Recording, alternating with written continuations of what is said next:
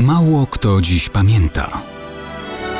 Datownik historyczny prezentuje Maciej Korkuć.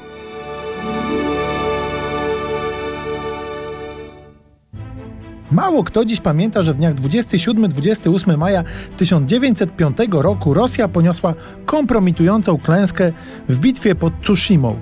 Kilka dni temu przypominaliśmy jeden z okrętów biorących w niej udział, krążownik Aurora, wykreowany potem na legendę rewolucji bolszewickiej.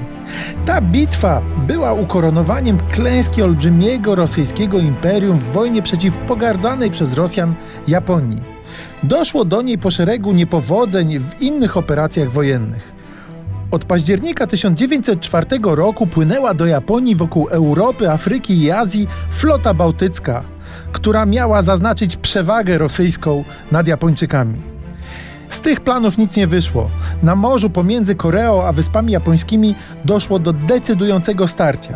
Błędy rosyjskiego dowódcy admirała Rożestwieńskiego, słabe wyszkolenie marynarzy, zmęczenie wielomiesięcznym rejsem w stronę Japonii spotkały się z nowoczesną techniką prowadzenia walki i doskonałym manewrowaniem okrętami przez japońskiego admirała Togo. Wszystko razem doprowadziło do utraty przez Rosję praktycznie całej floty bałtyckiej. W bitwie zginęło grubo ponad 4000 rosyjskich żołnierzy.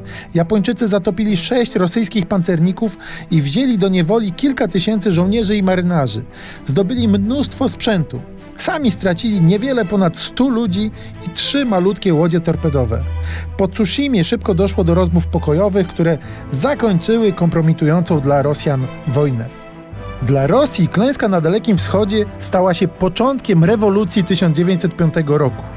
Dla Japonii przepustką do grona mocarstw współdecydujących o międzynarodowym porządku.